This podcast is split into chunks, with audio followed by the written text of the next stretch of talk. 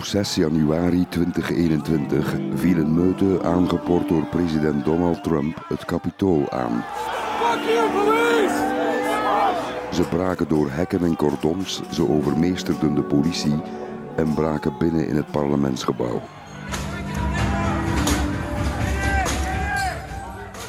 Binnenin vernielden ze kantoren, scheten en pisten ze in de gangen en waren ze op zoek naar politici om ze een lesje te leren. Vooraf hadden ze niet mis te verstaande instructies gekregen van een president. We fight like hell. And if you don't fight like hell, you're not going to have a country anymore. Fight like hell had Trump even voordien geroepen op een rally aan het Witte Huis. We gaan naar het Capitool. I know that everyone here will soon be marching over to the Capitol building to peacefully and patriotically make your voices heard. De advocaat van Trump, Rudy Giuliani, noemde het op dezelfde plek een proces door strijd. Let's have trial by combat! De massa Trump-supporters was woest over de verloren presidentsverkiezing en zou nu ultiem proberen om de aanstelling van Joe Biden als president tegen te houden. Wettenmakers vluchtten eilings weg, bang voor hun leven. Ze doken onder banken en werden naar veiligere oorden gebracht. In het kapitool werd een indringster doodgeschoten. Dana Milbank, schrijver van The Destructionists, noemt het een poging tot staatsgreep. Een nuchtere blik op de geschiedenis had de schok kunnen milderen volgens Milbank. De zaadjes van de opstand waren ruim een kwart eeuw eerder al geplant, op dezelfde plaats, aan de westkant van het kapitool.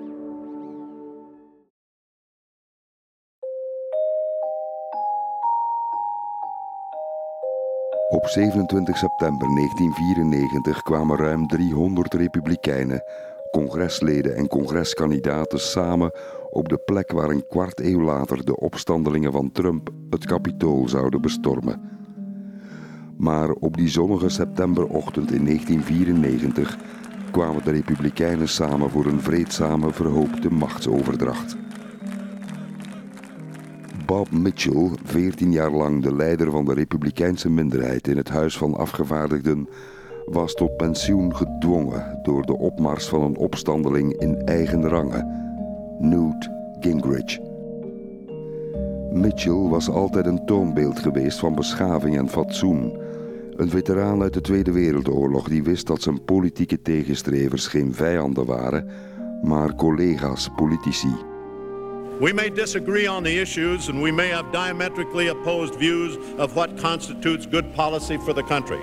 But what matters in the long run is the ability to trust each other because trust is often the foundation upon which House members can form a consensus that transcends party line.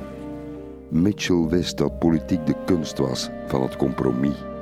Newt Gingrich was een totaal andere figuur.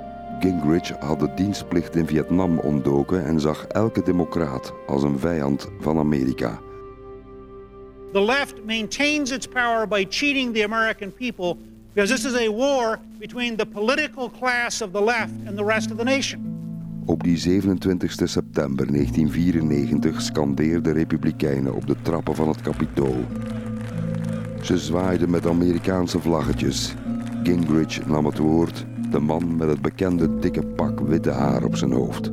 It is impossible to maintain American civilization with 12 year olds having babies, 15 year olds killing each other, 17 year olds dying of AIDS, and 18 year olds getting diplomas they can't even read. That this is a crisis of our entire civilization. Het was een hele catalogus van ellende, het beeld van Amerika als een wanhopig catastrofaal hol in de hel. Trumpiaanse apocalyps. Gingrich beloofde het herstel van de beschaving met een republikeinse agenda. Contract with America. Today, on these steps, we offer this contract as a first step towards renewing American civilization. Zelden hadden Amerikanen een politicus zo horen praten. En zeker niet de toekomstige speaker van het huis.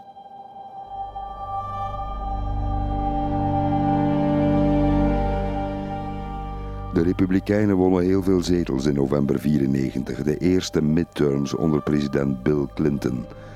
Het was een republikeinse vloedgolf, een revolutie. It is one of the most radical political shifts of the 20th century. Get used to the name Newt Gingrich. He's in line to be the first Republican Speaker of the House since 1954. He will have sweeping control over Congress with enough Democrats crossing over to vote with De opkomst van Gingrich en de republikeinse tsunami veranderde de Amerikaanse politiek met verstrekkende gevolgen. Vanaf Gingrich volgden drie afzettingsprocedures tegen presidenten, twee onwinbare oorlogen in Irak en Afghanistan, een gebrekkige respons op de COVID-pandemie, verschillende shutdowns van de regering, de explosie van de nationale schuld, een joekel van een financiële crisis na het bedrog van de banken in 2008 en het krukkige antwoord op de klimaatopwarming. Het geloof in de Amerikaanse democratie verbrokkelde vanaf 94. Een aanzienlijk deel van Amerika leeft al een hele tijd in een parallel universum van alternatieve feiten en samenzweringstheorieën. Het geloof in instellingen zoals politiek, gerecht, media en onderwijs staat op een absoluut dieptepunt. Het blanke nationalisme is een aanzienlijke factor in de VS, gekoppeld aan de haat tegen een overheid die men nu de diepe staat noemt. There really is a deep state. In the Washington headquarters, the senior figures are corrupt. This is becoming a, a deep state dictatorship. In 2022 was het omarmen van leugens over de verkiezingen bijna een voorwaarde om republikeinse voorverkiezingen te winnen. Liz Cheney ondervond het aan den lijve. President Trump knew that his election fraud claims were false.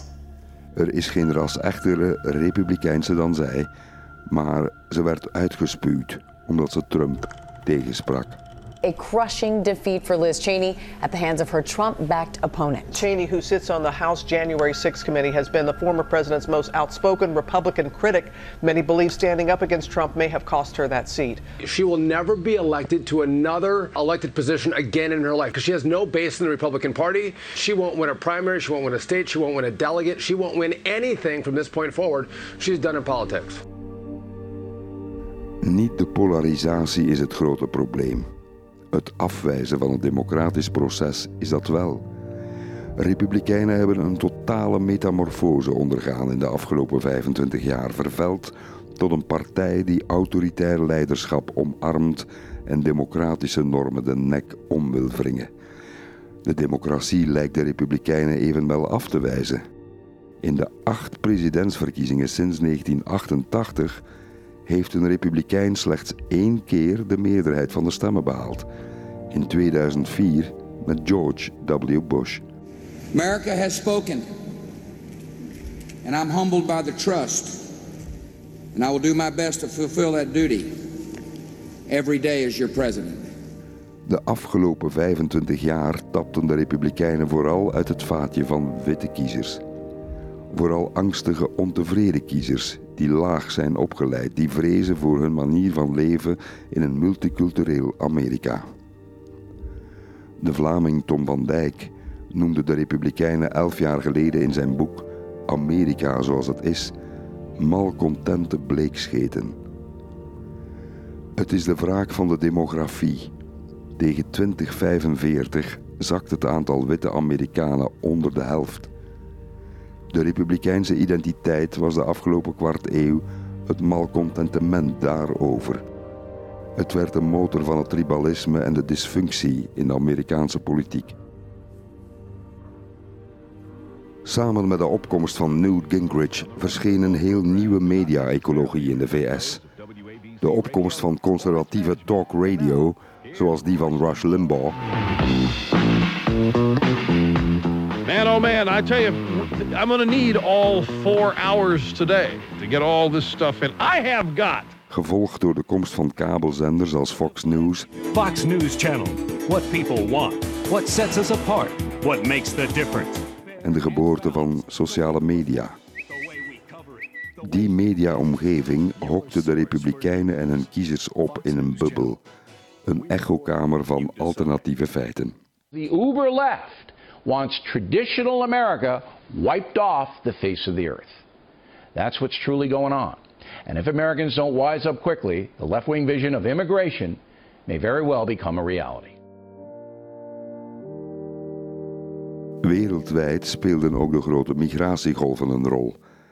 Ze brachten de hergeboorte van ultranationalisme en de heropstanding van autocratisch leiderschap in een tumultueuze tijd.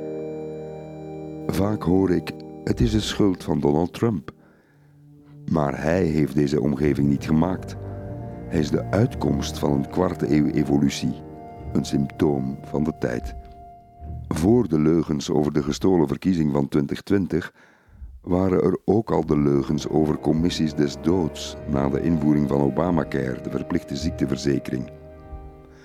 De leugen dat ouderen de zorg zou worden ontzegd om kosten te besparen. Death panels werden ze genoemd. There is a provision in there that anyone over the age of 74 has to go before what is effectively a death panel. Yes, they do. Yes, they do. It's in there, folks. Die death panels hebben nooit bestaan. Er was ook de leugen onder George W. Bush dat Irak moest worden binnengevallen omdat er massavernietigingswapens waren. The Iraqi regime continues to possess and conceal some of the most lethal weapons ever devised. Ze waren er niet.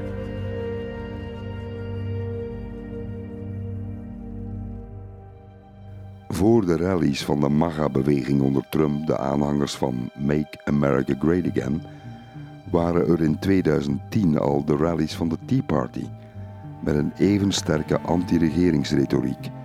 Niet toevallig na de machtsovername van de eerste zwarte president. We believe in expanding freedom and opportunity for all, not the intrusive reach of government into our lives and into our businesses. Voor Trump sprak over immigranten uit Mexico als verkrachters en criminelen, voor hij zei dat politici zoals Alexandria Ocasio-Cortez en Ilan Omar beter terug zouden keren naar hun eigen land, portretteerden republikeinse politici Obama als een moslim die in Afrika was geboren. Niet toevallig noemden ze hem Barack Hussein Obama. The number one most liberal senator in the United States of America was, you guessed it, the ambassador of change, Barack Hussein Obama. His name sounds Muslim. so, but he said he's Christian, so I have to believe him. En zo werd de Republikeinse Partij een partij van extremisten. De voormalige leider van de Republikeinen in het Huis van Afgevaardigden, John Boehner, zei in mei 2018 dat zijn partij nu de Trump-partij was geworden en dat de Republikeinse Partij ergens een dut aan het doen was. There is no Republican Party. There's a Trump Party. The Republican Party is kind of taking a nap somewhere. Laten we eens een jaar of dertig terugkeren in de tijd. Op 20 juli 1993 stopt een man met zijn auto aan Fort Marcy in Noord-Virginia. De man stapt uit, neemt een antieke Colt .38 revolver uit zijn zak, steekt de loop in zijn mond en haalt de trekker over. Hij is meteen dood. Zijn naam is Vince Foster. Als zijn lichaam wordt gevonden, vindt de politie een badge van het Witte Huis. Foster is adviseur en persoonlijke vriend van Bill en Hillary Clinton. It is an immense personal loss to, to me and to Hillary and to many of his close friends here, and a great loss to the White House and to the country. Zijn dood is een tragische zelfmoord, overwerkt, gestrest, slapeloos. Te grote druk en kritiek op zijn werk vanuit de oppositie deprimeerden hem. De Republikeinen ruiken bloed. Fosters dood is geen zelfmoord, maar moord, zegt Dan Burton, een Republikeins congreslid uit Indiana en een bondgenoot van Speaker Newt Gingrich in 1994. There's major questions about the death of Vince Foster, the man who found the body. Said the hands were moved. He swears the head was moved. There were no fingerprints on the gun. There were no fingerprints on the suicide note. Er is mogelijk een connectie, zei het congreslid, tussen de dood van Foster en de onderzoeken naar malversaties van de Clintons. De federale agenten die de zaak onderzochten, zei Burton, proberen de zaak in de doofpot te stoppen. Het bleek een loze bewering, maar het bleef plakken. De complottheorieën bleven hangen in de hoofden van de Republikeinse kiezers.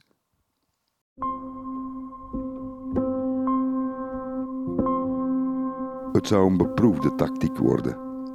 Newt Gingrich omarmde de samenzweringstheorie rond Foster.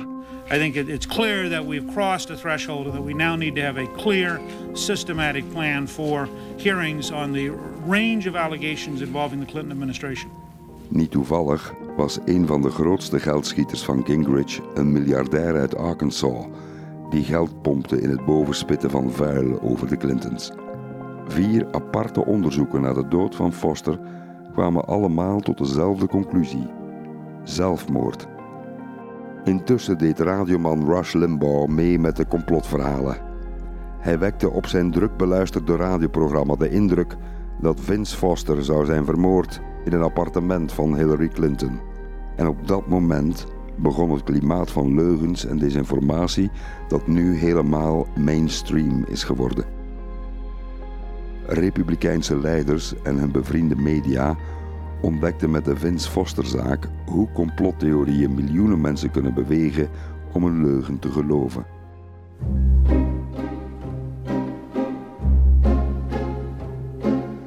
Gingrich had al vroeg de kracht van televisie ontdekt. De camera's van C-SPAN filmden alleen wie sprak in het congres. En Gingrich sprak desnoods voor een leeg parlement, want dat zag je niet op C-SPAN, enkel de spreker.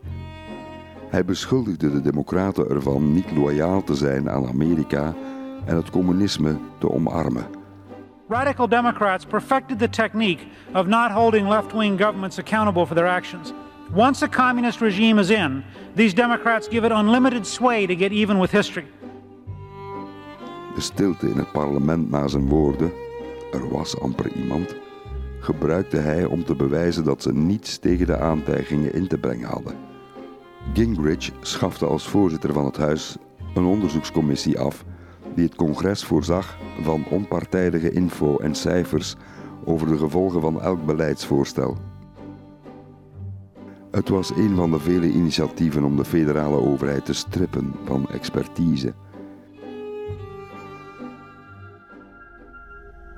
Feiten deden er niet mee toe. Toen al werden leugens gebruikt om bijvoorbeeld evangelische kiezers in het kamp te lokken van de Republikeinen. Voormalig presidentskandidaat Pat Robertson, een tele-evangelist, zei dat democraten obscene kunst promoten, abortus op aanvraag aanmoedigden en dat homoseksualiteit bij kinderen op school werd gestimuleerd. There's never been a civilization ever in history that has embraced homosexuality and turned away from traditional fidelity, traditional marriage, and uh, uh, has survived. Als je in de geschiedenis duikt, kom je figuren tegen zoveel jaren later die weer opduiken. Neem Brad Kavanaugh. In 2018, na een tumultueuze aanklacht wegens seksueel ontoelaatbaar gedrag, toch benoemd als rechter bij het federale Hooggerechtshof. My family and my name have been totally and permanently destroyed by vicious and false additional accusations. Kavanaugh onderzocht twee jaar lang de zelfmoord van, kent u hem nog, Vince Foster. Hij maakte kennis met Linda Tripp, de secretaresse van Kenneth Starr, de speciale aanklager die Bill Clinton onderzocht. Tripp zou bewijs leveren voor de affaire tussen Clinton en Witte Huisstagiaire Monica Lewinsky. Toen Lewinsky haar toevertrouwde aan de telefoon dat ze een jurk had, maar een spermavlek van Clinton. Navy dress I wore to the radio dress. It still has the on it. Kavanaugh lustte de Clintons niet. In het onderzoek naar de affaire Lewinsky schreef hij een memorandum naar zijn baas Kenneth Starr met een setje vragen voor Bill Clinton. Liegt Lewinsky als ze zegt dat u tot twee keer toe ejaculeerde in haar mond in die Oval Office? Zelfs Kenneth Starr vond de vragen te obscene. Toch kreeg Clinton wel degelijk beschamende vragen voorgeschoteld. If Monica Lewinsky says that you used a cigar as a sexual aid with her in the Oval Office area, would you be lying? Yes, no, or, or won't answer? I will revert to my former statement. Ik weet nog dat ik als jonge reporter die ondervraging op tv volgde en rechtstreeks moest becommentariëren in 1998. Het doet beter begrijpen waarom Kavanaugh woedend en schijnbaar uit het niets een complot van de Clintons tegen hem te berde bracht in de hoorzitting over zijn rechterschap in oktober 2018. This whole two-week effort has been a calculated and orchestrated political hit. Fear that has been unfairly stoked about my judicial record, revenge on behalf of the Clintons, and millions of dollars in money from outside left-wing opposition groups. Het eindrapport van Starr las als een pornoverslag. Volgens mevrouw Lewinsky pijpte ze de president negen keer. Of de president kuste haar blote borsten. 211 pagina's lang pijnlijke intimiteiten over een zittende president. Het rapport leidde tot een afzettingsprocedure tegen Clinton, waarin hij uiteindelijk vrij uitging.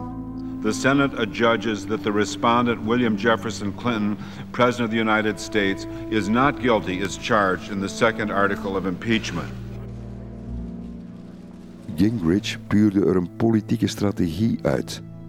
Op een memo schreef hij een campagneplan uit met de manier waarop je democraten moet aanpakken, door ze te demoniseren. Het memo bevatte een lijst van zo'n 65 woorden en zinnetjes die republikeinse kandidaten moesten gebruiken tegen democraten. Ze kregen de raad om alles goed van buiten te leren.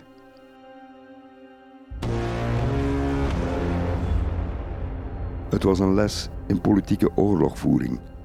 Gingrich veranderde voor altijd de taal van de politiek. Het is een vocabulaire dat vandaag gemeengoed is. Gingrich citeerde graag het motto van Mao: Politiek is oorlog zonder bloed. Verraders, corrupt, bedriegers, dieven, losers, incompetenten, radicalen, hypocrieten, schande, ziekelijk, machtsmisbruik, anti-Amerikaans, anti-vlag, anti-gezin, anti-kinderen, anti-jobs, anti-vaderland.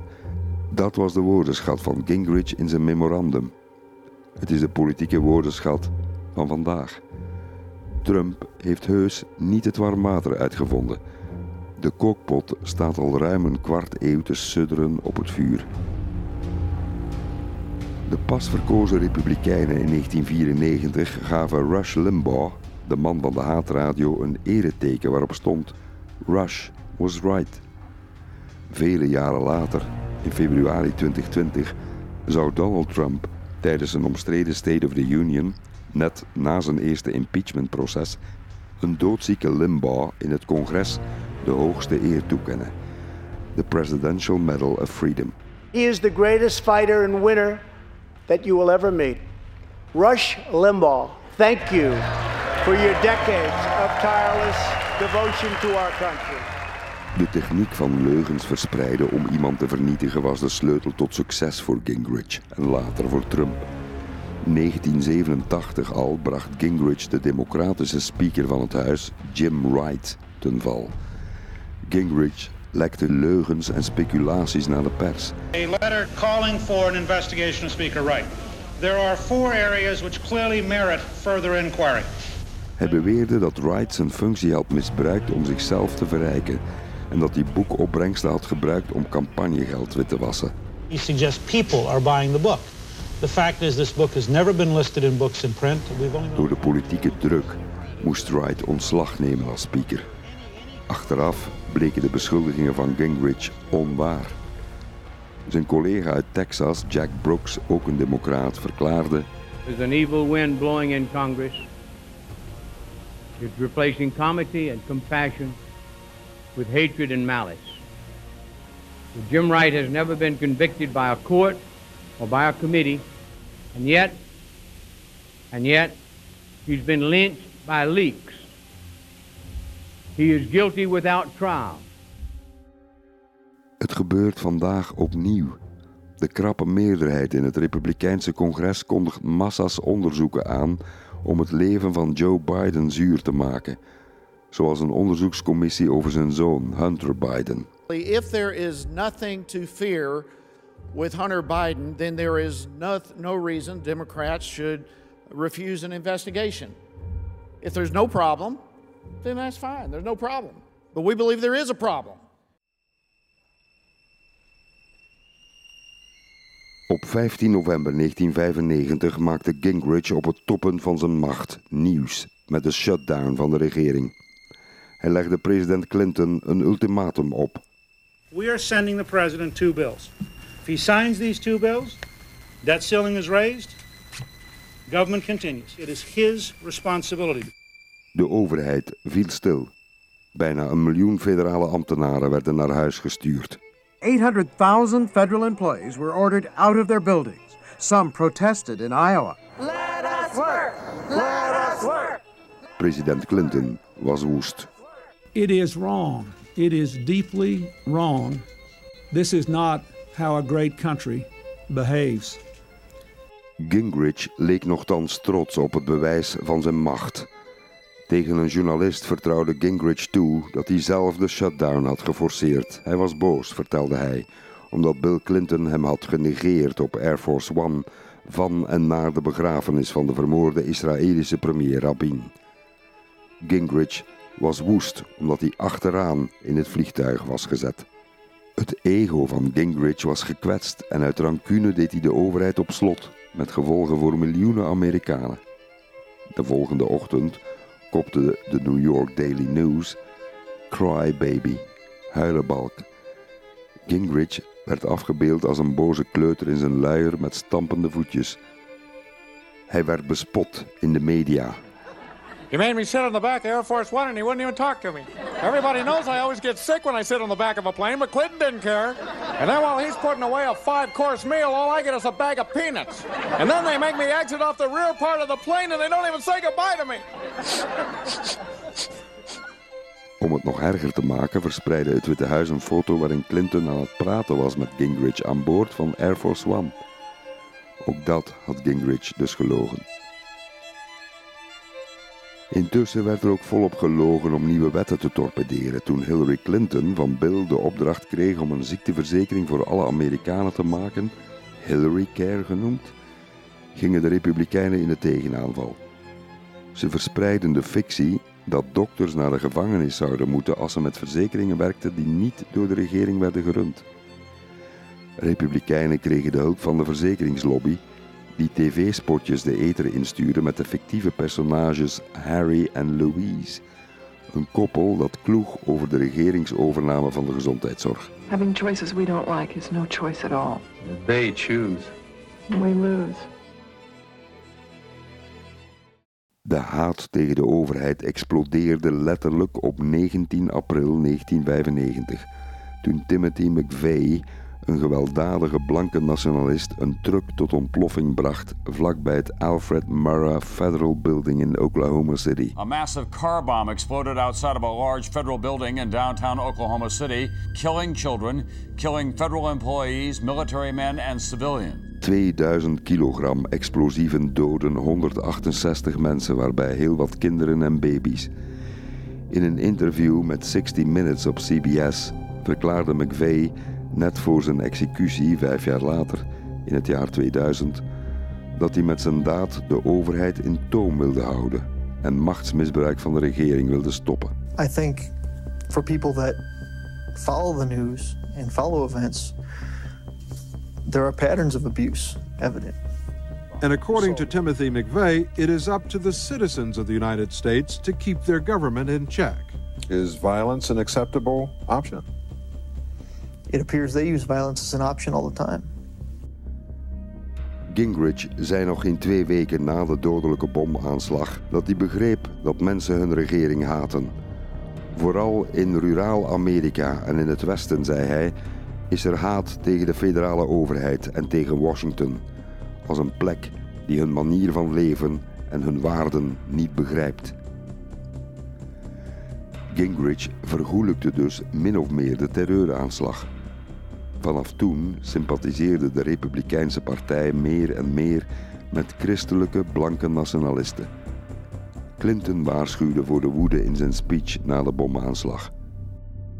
We hear so many loud and angry voices in America today whose sole goal seems to be to try to keep some people as paranoid as possible and the rest of us all torn up and upset with each other. Dat was 1995. Daar zijn we vandaag weer aanbeland. Het was ooit anders. De Republikeinse Partij werd opgericht om te ijveren voor de afschaffing van de slavernij. Abraham Lincoln was de eerste Republikeinse president.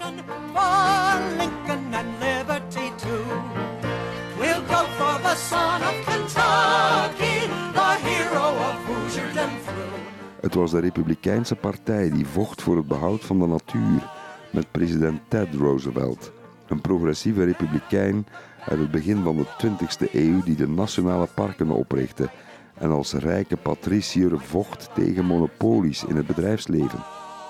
Het was de republikeinse president Eisenhower die zijn troepen gebruikte om de segregatie op Amerikaanse scholen ongedaan te maken.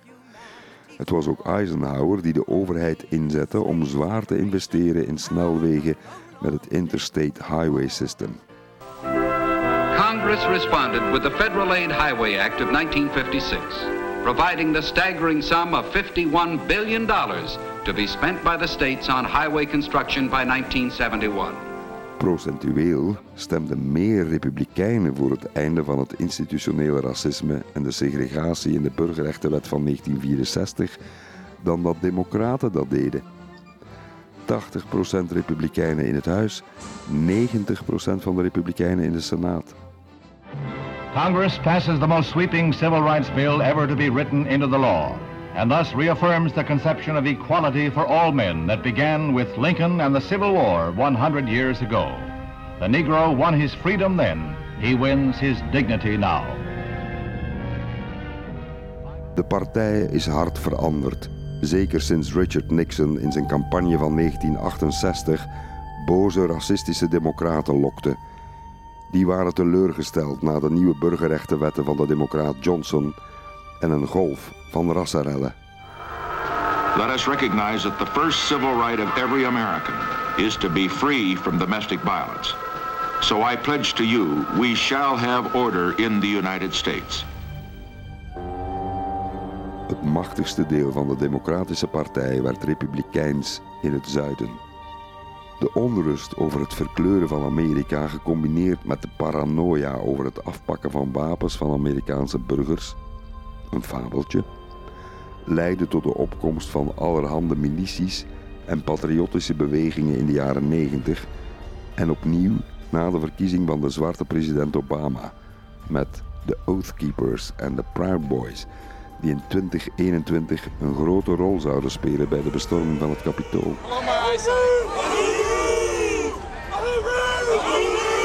Ik kwam ze ook al tegen in Oregon op een Trump rally in september 2020, waar de Proud Boys het voortouw namen. If you have not had an opportunity to meet a Proud Boy, it's a good time to do it because we are here for you. I see all these people with weapons here. It's, it scares me a little bit. Is that normal? States of America. It's the United States of America. We're armed. De taal van Trump is al 30 jaar oud. In 1992 en in 1996 ging toenmalig presidentskandidaat Pat Buchanan hem voor. Buchanan was America First. Hij vroeg zich af wie eigenlijk opkwam voor die witte Amerikanen. When we say we will put America first, we mean also that our Judeo Christian values are going to be preserved, and our Western heritage is going to be handed down to future generations and not dumped onto some landfill called multiculturalism. Buchanan, oh hoe vertrouwd klinkt het u in de oren, stelde een grensmuur voor om een migranteninvasie te stoppen en hij beloofde om Amerika terug te pakken. Trump zou in 16 winnen met die retoriek. Buchanan boekte matig succes. Hij won weliswaar de voorverkiezing bij de Republikeinen in 96 in New Hampshire, maar er waren ruim genoeg centrumkiezers bij die Republikeinen om Buchanan kansloos naar huis te sturen. Buchanan had wel een ader geraakt met zijn toespraken over de cultuuroorlogen. Het was allemaal America first, eigen volk eerst. There is a religious war going on in this country. It is a cultural war as critical to the kind of nation we shall be as the Cold War itself. For this war is for the soul of America.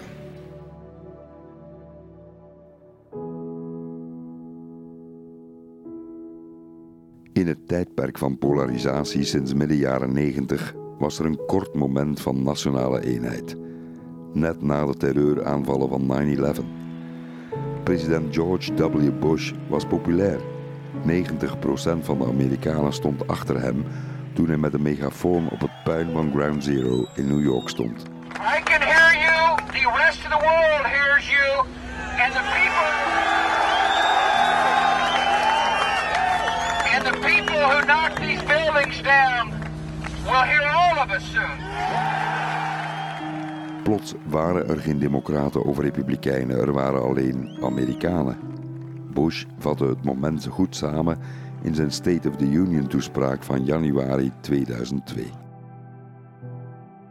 Yet, as we act to win the war, protect our people, and create jobs in America, we must act first and foremost not as Republicans, not as Democrats, but as Americans. De belangrijkste adviseur van Bush, Karl Rove, had andere ideeën. Hij zou de angst voor de nationale veiligheid omsmeden tot een krachtig politiek wapen tegen de Democraten. De oorlog tegen terreur kon alleen maar worden gewonnen door de Republikeinen, zei hij. Een Patriot Act werd goedgekeurd die de vrijheid van burgers beknotte en hen desgewenst kon afluisteren. Democraten sputterden tegen en kregen het label onbetrouwbaar en niet loyaal. Tom Daschle, de democratische leider in de Senaat toen, was woest net voor de tussentijdse verkiezingen van 2002. We ought not politicize this war. We ought not politicize the rhetoric about war and life and death. This has got to end, Mr. President. Bush zijn strategie loonde. Hij won bij de midterm zetels bij en democraten werden weggezet als onpatriotisch. Karl Rove stond bekend om zijn vuile trucken. Rove's techniek kwam erop neer politieke tegenstanders voortdurend te brandmerken als verraders of bondgenoten van terreur. Om de democraat Max Cleland te bekampen voor de senaatzetel in Georgia werden tv-spotjes gelanceerd met beelden van Osama bin Laden en Saddam Hussein, gevolgd door foto's van Cleland. Max Cleland has voted against the president's vital homeland security efforts 11 times. Max Cleland says he has the courage to lead, but the record proves Max Cleland is just misleading. Dat was een grove leugen. Uitgerekend Cleland zelf had wetgeving ingediend om een superdepartement van Binnenlandse Veiligheid op te richten. Cleland zou later in zijn memoires schrijven dat zijn leven was geknakt door die leugens. Bush lanceerde via een omweg, via derden, nog een keer leugens in zijn herverkiezingscampagne in 2004 tegen democraat John Kerry. Een tv-campagnespot van een groep die beweerde samen met Kerry te hebben gediend op een boot in Vietnam. Kerry had drie Purple Hearts gekregen voor zijn heldendaden in de oorlog, maar de mannen in de campagnespot beweerden het tegendeel. I know John Kerry is lying about his first Purple Heart because I treated him for that injury. John Kerry lied to get his Bronze Star. I know. I was there. I saw what happened. Het was een schokkende leugen. De claims over Kerry werden tegengesproken door de feiten en door zijn strijdmakers, maar de laster werkte. De Swift Boat Veterans for Truth kelderden de verkiezingskansen van John Kerry. Hij ging roemloos ten onder tegen Bush. Toen Trump aan de macht kwam, werd hij uitgespuwd door het establishment. Terugkijkend werd Bush Jr. plots beschouwd als de goede en fatsoenlijke republikein uit een fatsoenlijker tijdperk. Terwijl dat eigenlijk niet waar was en niet waar is. We vergeten snel. En dat Bush geen roeptoeter was, leidt danig af van de flagrante leugens. Bush startte twee onwinbare oorlogen in Afghanistan en in Irak. Irak was een oorlog die Bush begon op basis van een leugen. Inlichtingendiensten werden gedwongen om de stelling te omarmen dat Saddam mee achter 9-11 zat en dat hij massavernietigingswapens bezat. Quote non. Bush verplichtte intussen Colin Powell als buitenlandminister om zijn geloofwaardigheid op het spel te zetten door voor de VN te beweren dat er bewijs was dat Irak de wereld bedreigde. Dat was in februari 2003. We know that Saddam Hussein is determined to keep his weapons of mass destruction. He's determined to make more. Given Saddam Hussein's history of aggression, given what we know of his grandiose plans, given what we know of his terrorist associations, should we take the risk that he will not someday use these weapons? In feite was wat hij zei totale kwatsch. De regering Bush stuurde vervolgens 5000 Amerikaanse soldaten de dood in en een half miljoen Irakisch. Maakte zich vervolgens schuldig aan folterpraktijken tegenover Al-Qaeda-verdachten. Ze vernederde Iraakse gevangenen in Abu Ghraib en dreigde Europese landen als België en Frankrijk af die niet wilden meedoen met de Irak-oorlog. Wie niet met ons is, is tegen ons, klonk het. Every nation in every region now has a decision to make. Either you are with us or you are with the terrorists.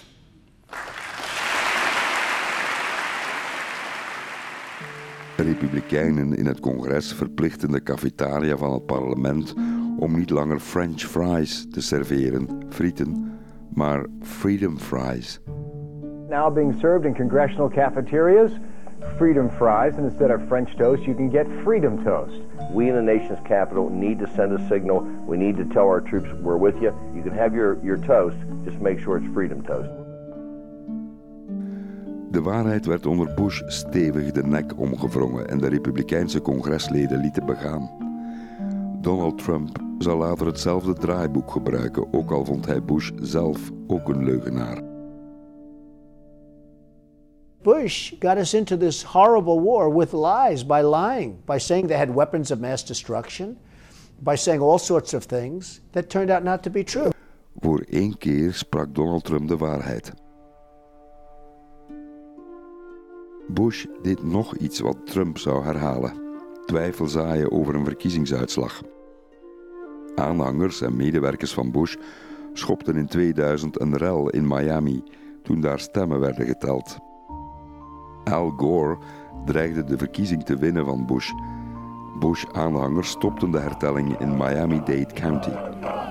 An impromptu protest by Republicans in the lobby of election headquarters after the count is taken into a tabulation room on the 19th floor. Op 22 november 2000 roepen en scanderen ze aan het telbureau. Een democratische official werd geduwd en in de rug gestampt. De verkiezingsraad gaf de Bush-meute wat ze wilde en stopte de hertelling. De rel ging de geschiedenis in als de Brooks Brothers Riot, genoemd naar de redelijk chique kledingstijl van de relschoppers. Veel van de zogezegde demonstranten waren Bush-medewerkers. Roger Stone, later bekend Trump-luisteraar, was een van de aanstokers van de rel die leidde tot het stoppen van de hertelling. Some of my operatives reported that two of the Democratic commissioners were attempting to take a sheaf of ballots, remove them from the counting room, which was being viewed by reporters. I said, flood the hall and don't let them shut that door. Het federale Hooggerechtshof verklaarde drie weken later 5 tegen 4 dat het hertellen moest stoppen. Een erg omstreden beslissing die het presidentschap aan George W. Bush gaf in plaats van aan de democraat Al Gore. While I strongly disagree with the court's decision, I accept it. For the sake of our unity as a people and the strength of our democracy, I offer my concession. De les die republikeinen leerden, als je genoeg stampij maakt, en je hebt het Hoge Rechtshof aan je zijde, dan hoef je heus niet het meeste stemmen te halen om verkiezingen te winnen. Gewoon hard blijven roepen dat er fraude was. Trump zou het in 2020 ook proberen.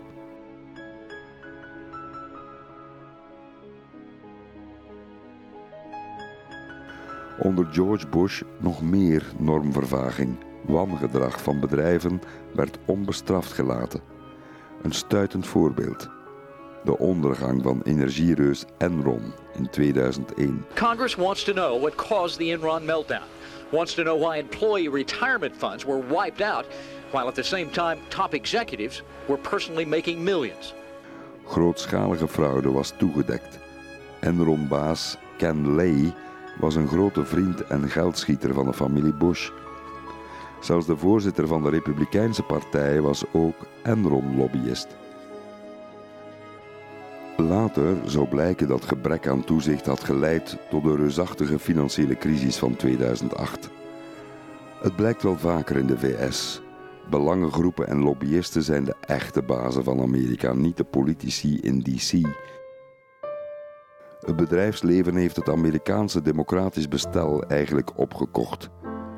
Lobbyisten geven fortuinen uit om wetten te beïnvloeden. Soms laten congresleden de lobbyisten hun toespraken of zelfs wetsvoorstellen schrijven. De corrumperende invloed van geld in de Amerikaanse politiek werd nog erger in 2010 toen het Hoge Rechtshof met het arrest Citizens United onbeperkte geldstromen toestond. Het was de geboorte van de Super PACs, non-profit groepen die de identiteit van hun geldschieters niet bekend hoefden te maken en het geld gebruikten om politici financieel te stutten. Mitt Romney, presidentskandidaat voor de Republikeinen in 2012, zei voor een woedende meute: Corporations are people, my friend. corporations are people, my friend. We can raise taxes on. Of course they are. Everything corporations earn ultimately goes to people. So, where do you think it goes? What, what? De Republikeinse partij radicaliseerde helemaal na de verkiezing van Barack Obama in 2008. Er was niet alleen verzet tegen zijn beleid, maar tegen de persoon zelf. De eerste zwarte president werd gekapiteld als on-Amerikaans. De Tea Party-fractie trok ten strijde tegen Obama. Obama been lying. Impeach the Muslim Marxist. Deport Obama, klonk het. Rush Limbaugh speelde een liedje in zijn programma genaamd Barack the Magic Negro. Barack the Magic Negro lives in D.C. Toenmalige tv-ster op Fox News Glenn Beck wond er geen doekjes om tegen zijn kijkers in 2009. This president, I think, has exposed himself as a guy over and over and over again who has a deep seated hatred for white people or the white culture. I don't know what it is. Trump deed mee in 2011 met het zaaien van twijfels over de herkomst van Obama. Op 23 maart 2011 zei hij op televisie in The View op NBC Why doesn't he show his birth certificate? And you know what? I wish he would, because I think it's a terrible pale that's hanging over him. He should show his birth certificate. Op 30 maart, op Fox News bij Bill O'Reilly, ging Trump nog een stap verder. He may have one, but there's something on that person, maybe religion, maybe it says he's a Muslim, I don't know. Maybe he doesn't want that, or he may not have one. Trump beweerde dat hij onderzoekers naar Hawaii had gestuurd. They cannot believe what they are finding, zoog hij uit zijn duim. I have people that actually have been studying it and they cannot believe what they're finding. You have people now down Absolutely. there searching, I mean, in Hawaii. Absolutely, and they cannot believe what they're finding. Obama werd verplicht zijn geboortebewijs voor te leggen. We do not have time for this kind of silliness. We got better stuff to do. I've got better stuff to do. De affaire ging uiteindelijk liggen en de Republikeinen verloren in 2012 de presidentsverkiezingen met Mitt Romney, een ouderwetse country club republikein.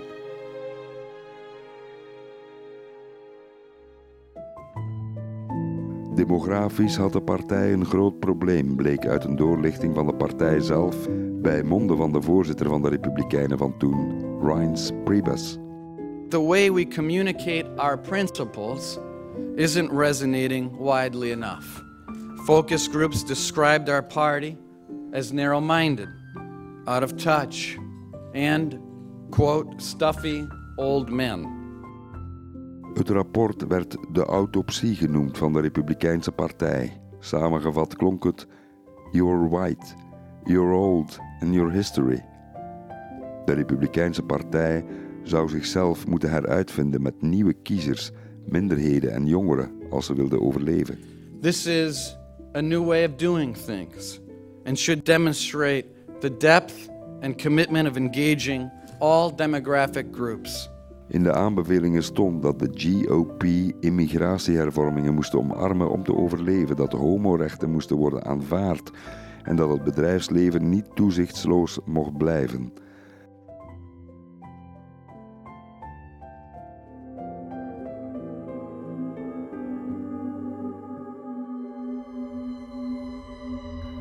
Alle adviezen werden vervolgens in de wind geslagen.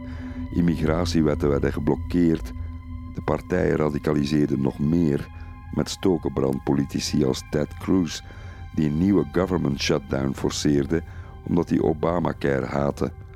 Dat was in de herfst van 2013. Madam President, I intend to speak in opposition to Obamacare. I intend to speak in support of defunding Obamacare until I am no longer able to stand. De filibuster speech van Cruz duurde 21 uur. Dit was het nieuwe oorlogswapen: weigeren het schuldenplafond te verhogen. Normaal is zo'n verhoging geen punt van discussie, maar Republikeinen gebruikten het als chantagemiddel. Onder de Republikeinse president Reagan in de jaren 80 werd het schuldenplafond zonder probleem 18 keer verhoogd. 18 keer. Het was nooit een issue toen. Om verkiezingen te winnen zou de Republikeinse Partij voortaan dus meer blanke kiezers naar de stembus moeten krijgen en de gekleurde stem proberen te onderdrukken.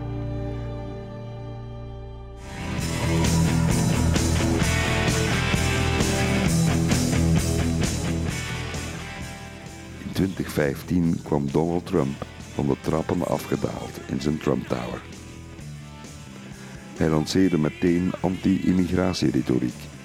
They're bringing drugs, they're bringing crime, they're rapists, and some, I assume, are good people. Trump walste over zijn tegenkandidaten in de Republikeinse voorverkiezing en stookte woede op om de massale opkomst van blanke boze kiezers te garanderen. Trump werd president en leider van een partij vol blanke woede en frustraties. Trump paste heel zijn presidentschap dezelfde tactiek toe. Veroorzaak chaos, zaai twijfel, onrust en angst. En, als de beschuldigingen worden ontkracht, ontketen dan de volgende rel. Iemand vertelde mij: They throw shit at the wall and go with whatever sticks.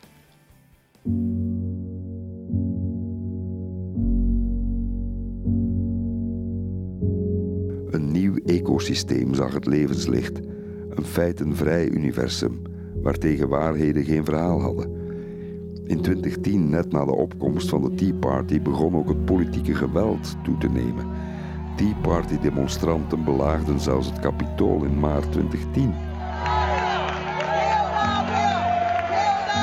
De politie kon met moeite de menigte intomen. Mitch McConnell, de republikeinse baas in de Senaat, verklaarde intussen dat Obama zo snel mogelijk weg moest. Our top political priority over the next two years should be to deny President Obama a second term. In Tucson, Arizona werd congreslid Gabby Giffords eind 2010 toegeschreeuwd over de ziekteverzekeringswet van Obama. Haar staf vreesde voor haar veiligheid, maar in een interview op MSNBC bij Chuck Todd en Savannah Guthrie, nadat haar kantoor was ingebeukt, bleef Giffords strijdvaardig. Are you afraid? Are you fearful today? You know, I'm, I'm not. Um, we've had hundreds and hundreds of protesters over the course of the last several months. Our office corner is really become. Niet veel later, op 8 januari 2011, gebeurde het ondenkbare. Een 22-jarige richtte zijn pistool op Giffords en schoot een kogel in haar hoofd. Giffords overleefde wonderlijk genoeg de aanslag, maar werd nadien nooit meer dezelfde. Hersenschade maakte spreken voor haar extreem moeilijk. Words once came easily. Today I struggle to speak. But I have not lost my voice. America needs all of us to speak out, even when you have to fight to find the words. De grote verandering in de Republikeinse Partij was dat leiders volgers werden. Volgers van een woedegolf aan de basis. Niemand die de kiezers nog durfde tegen te spreken. Wie het wel deed, werd een rhino genoemd, Republican in name only. Slechts een minderheid durfde tegen die stroom op te varen. De meesten capituleerden. Extreme ideeën in de marge werden mainstream. Iemand zei: The lunatics now run the asylum. Een heel nieuwe uiterst rechtse media-ecologie ontstond met Breitbart, The Daily Caller en Infowars van Alex Jones. De boodschap: links is de vijand. It really is biblical what we're witnessing and the dirty tricks of the Clintons. They they run intelligence operations, they destroy families, they pay people off, uh, they threaten weak-minded people, but their reign of Mitch McConnell was intussen een machtig figuur in de Republikeinse Partij. Mitch McConnell led the passage of the biggest economic rescue package in history. Urgent help for people who need it most. American families, small business jobs. Mitch McConnell. Al 15 jaar de leider in de Senaat. Hij hield als republikein de prijsverlaging tegen van voorgeschreven medicijnen voor de gewone mens. Hij hield wetgeving tegen die kinderen moest verhinderen te beginnen roken na een deal met tabakslobbyisten. En hij hield acht maanden lang voor de presidentsverkiezingen van 16 de benoeming tegen van Merrick Garland als rechter bij het Hoge Rechtshof, na de dood van rechter Scalia begin 16. McConnell weigerde zelfs een debat. The next president uh, will be making this choice, so no, he will not be uh, considered by the Senate. Vele jaren later zou McConnell na de dood van Ruth Bader Ginsburg op één maand tijd wel de benoeming forceren van de conservatieve rechter Amy Coney Barrett. This is one of the most brilliant, admired, and well qualified, qualified nominees in our lifetime. Ook Rudy Giuliani is een goed voorbeeld van de vleesgeworden evolutie van de Republikeinse Partij ooit gerespecteerd burgemeester van New York in de jaren 90 en bekwaam leider in de nasleep van 9-11, evolueerde Giuliani tot een soort schurkenfiguur, een Trump-fixer. In 2001 was Giuliani persoon van het jaar van Time Magazine. Na de presidentsverkiezing van 2020 wierp Giuliani zich op als volbloed verkiezingsontkenner. Hij stuurde allerhande loze beweringen de wereld in. There was a a plan from a centralized place to execute these various acts of voter fraud, specifically focused on big cities. Al zijn rechtszaken over zogezegde kiesfraude werden door ruim 60 rechters afgewezen. Legendarisch was een persconferentie waarin hij zo hard zweette terwijl hij stond te liegen dat zijn haarkleuring over zijn wangen naar beneden stroomde. Het was een vernederend schouwspel. Een week of twee eerder had hij de pers toegesproken in Philadelphia. Philadelphia is a professional place for voter fraud because you have a decrepit Democrat machine that you have had in power for 60 years. And it's the reason Hij stond buiten aan het Four Seasons Total Landscaping, terwijl iedereen dacht dat dit een chic Four Seasons hotel zou zijn. De man die ooit werd bestempeld als de burgemeester van Amerika was nu het voorwerp van hoongelach. Er waren een pak dubieuze figuren rond Trump die logen en bedrogen. Roger Stone, veroordeeld wegens liegen tegen het congres en het beïnvloeden van getuigen. Trump gaf hem gratie. Michael Flynn, ex-veiligheidsadviseur van Trump, pleitte schuldig over liegen tegen de FBI. Trump gaf hem gratie. Paul Manafort, de campagnevoorzitter van Trump in 2016, werd veroordeeld wegens schenden van lobbywetten, liegen tegen het congres over zijn contacten met Rusland. Trump pardonneerde hem eveneens. Steve Bannon lichtte de Republikeinse kiezers op met een fonds dat bestemd was voor de bouw van de muur met Mexico. Trump gaf ook hem gratie. Republikeinen zaaiden in 2020 twijfels over de coronavaccins en verspreidden complottheorieën over de onderdrukking van het volk door lockdowns. Marjorie Taylor Greene zei dat medische bruinhemden aan de deur zouden staan van Amerikanen om hen verplicht te vaccineren. Een vaccinatiepas vergeleek ze met een verplichte jodenster in de nazi-tijd. Know, we can look back in a time in history where people were told to wear a gold star, and they were definitely treated like second class citizens, so much so that they were put in trains and taken to gas chambers in Nazi Germany. And this is exactly the type of abuse that Nancy Pelosi is talking about. Ik maakte zelf een infomoment mee van antivaxers op Long Island, waarin het vaccin als vergif voor het volk werd bestempeld. They want to pass a bill uh, making it mandatory for all college students to get the COVID 19 shot. So we are against that. Why is that? Because it's an experimental, not even a vaccine, really. Het sterftecijfer voor corona in Trumpgebied lag vijf keer hoger dan in de rest van de VS.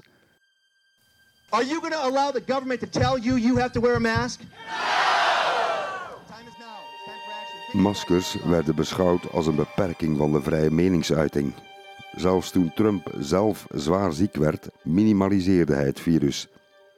Toen hij het ziekenhuis verliet begin oktober 2020, tweette hij: Wees niet bang van COVID. Laat het je leven niet beheersen.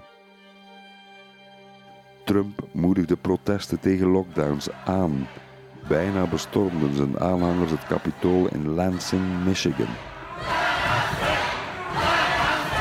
Twijfelachtige feiten en leugens begonnen al op dag 1 van president Trump. Er was minder volk in Washington dan bij de eetaflegging van zijn voorganger Obama. Ik had het met eigen ogen gezien.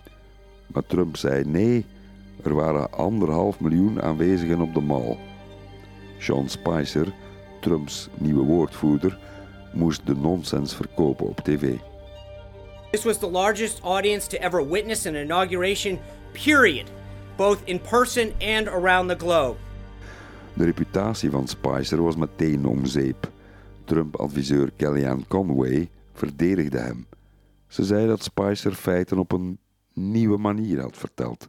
Sean Spicer, our press secretary, gave alternative facts to that. But the point remains Wait a minute. Alternative facts? Look, alternative facts are not facts. They're falsehoods. Trump noemde voortaan de pers de vijand van het volk. I called the fake news the enemy of the people, and they are. Voortaan zouden al maar minder mensen de reguliere pers geloven. Dat neutraliseerde de macht van media om onwaarheden bloot te leggen. De pers was voortaan een verwerpelijk onderdeel van het establishment. You know, CNN, fake news, MSNBC, you know, that's really the enemy of the people. Ondanks de conclusie van zijn inlichtingendiensten dat Rusland zich had bemoeid in de verkiezing van 2016, geloofde Trump vooral Poetin. Dat was in juli 2018 in Helsinki. I have great confidence in my intelligence people, but uh, I will tell you that President Putin was extremely strong and powerful in his denial today. QAnon deed er nog een schep paranoia bovenop. De Amerikaanse overheid was in de klauwen van Satan, klonk het. De Democraten en de diepe staat runnen een kinderseksnetwerk, zeiden QAnon-aanhangers. Ik ontmoette QAnon John in Philadelphia. Hij was diep overtuigd van de samenzwering. The purpose of Q is to bring an awakening to the entire world about all of the evil satanic agenda of the New World Order, where they are, in a lot of cases, harming children. They want to stop Trump because he is the safeguard between us and them. De Republikeinen schurkten in de Trump-jaren veel dichter aan tegen racistische groepen, zoals in augustus 2017 in Charlottesville, Virginia. Neonazis betoogden daar met slogans die deden denken aan de donkere jaren 30 van de vorige eeuw. Ze droegen toortsen, maakten de nazigroet en scandeerden ziek heil. Een 22-jarige radicaal-rechtse kerel zou één dag later met zijn auto inrijden op een massa tegenbetogers. Een jonge vrouw werd gedood. Het racistische geweld schokte Amerika. Trump sprak de natie toe. Hij leek evenwicht te zoeken. Hij zei dat er goede en slechte mensen waren aan beide kanten.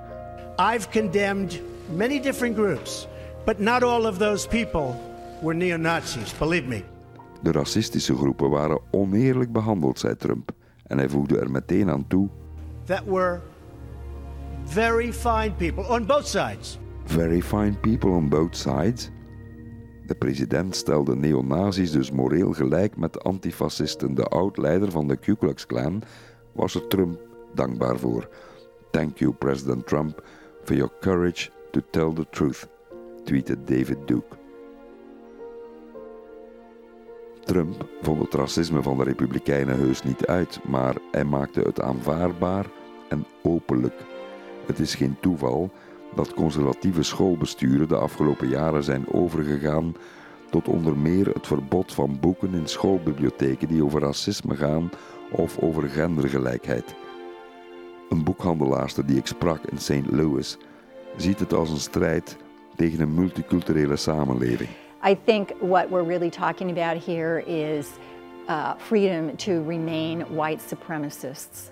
Uh, the idea of a pluralistic, multicultural society is so frightening to some folks, and this has been exploited by some of our uh, elected officials so effectively.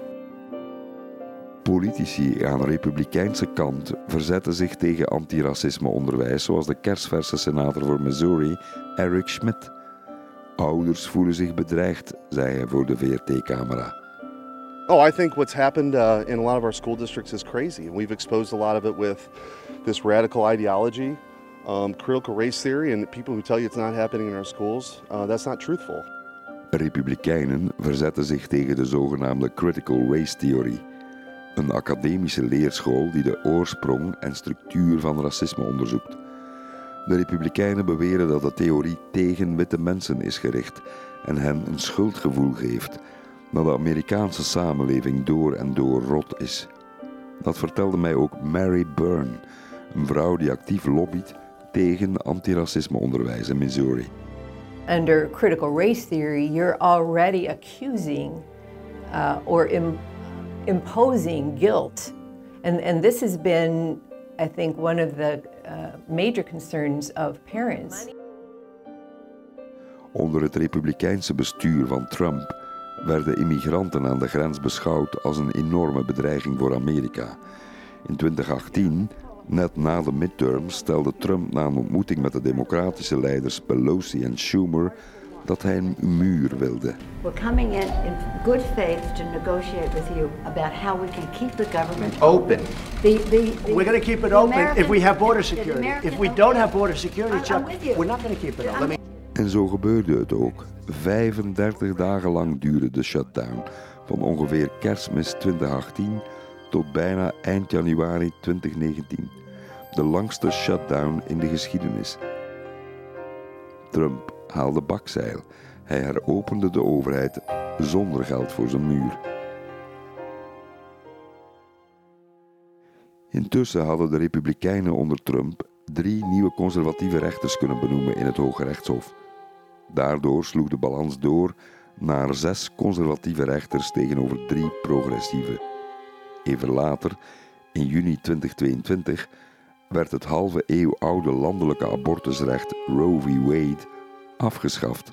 A sweeping, deeply consequential decision from the nation's highest court, ruling to overturn Roe v. Wade, rocking the foundations of more than five decades of legal precedent in our country. De VS leek terug te keren naar een ander tijdperk. De protesten na de moord op George Floyd gebruikte Trump om meer orde en wet te prediken. Over de vreedzame optochten voor zwarte burgerrechten sprak hij niet. Toen hij de verkiezingen verloor, sprak hij op 6 januari zijn aanhangers toe. De Republikeinse Partij was nu een partij van opstandelingen, die geen verkiezingsnederlagen aanvaarden. All of us here today do not want to see our election victory stolen by emboldened radical left Democrats, which is what they're doing. Trump moedigde zijn aanhangers aan om naar het kapitool te stappen. We will never concede. It doesn't happen. You don't concede when there's theft involved.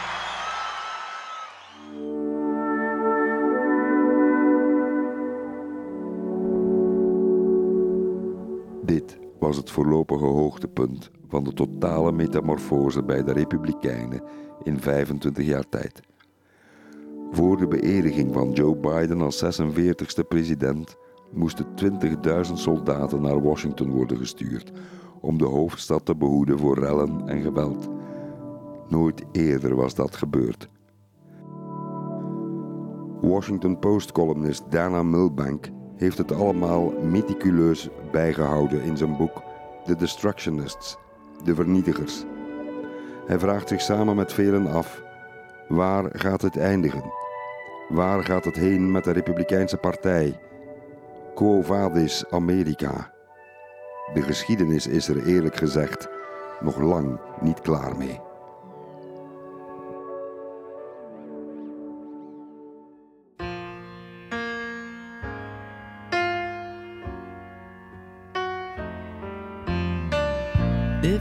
Search for tenderness, it isn't hard to find. You can have the love you need to live. But if you look for truthfulness, you might just as well be blind. It always seems to be so hard to give.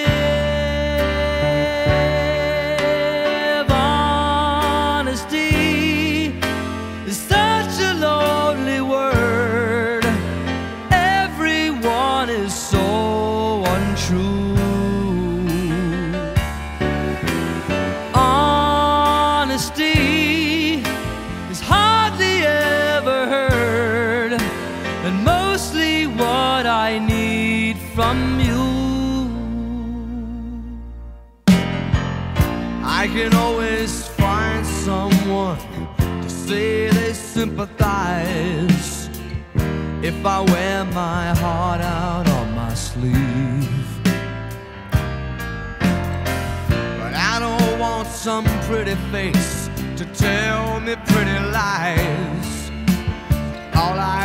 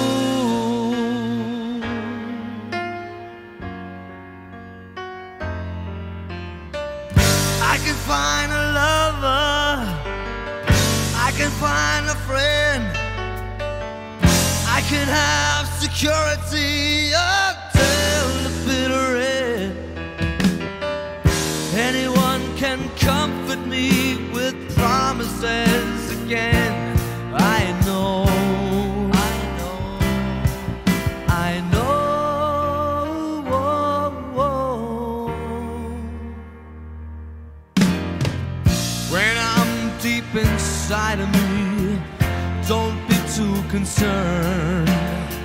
I won't ask for nothing while I'm gone. But when I want sincerity, tell me where else can I turn? Cause you're the one that I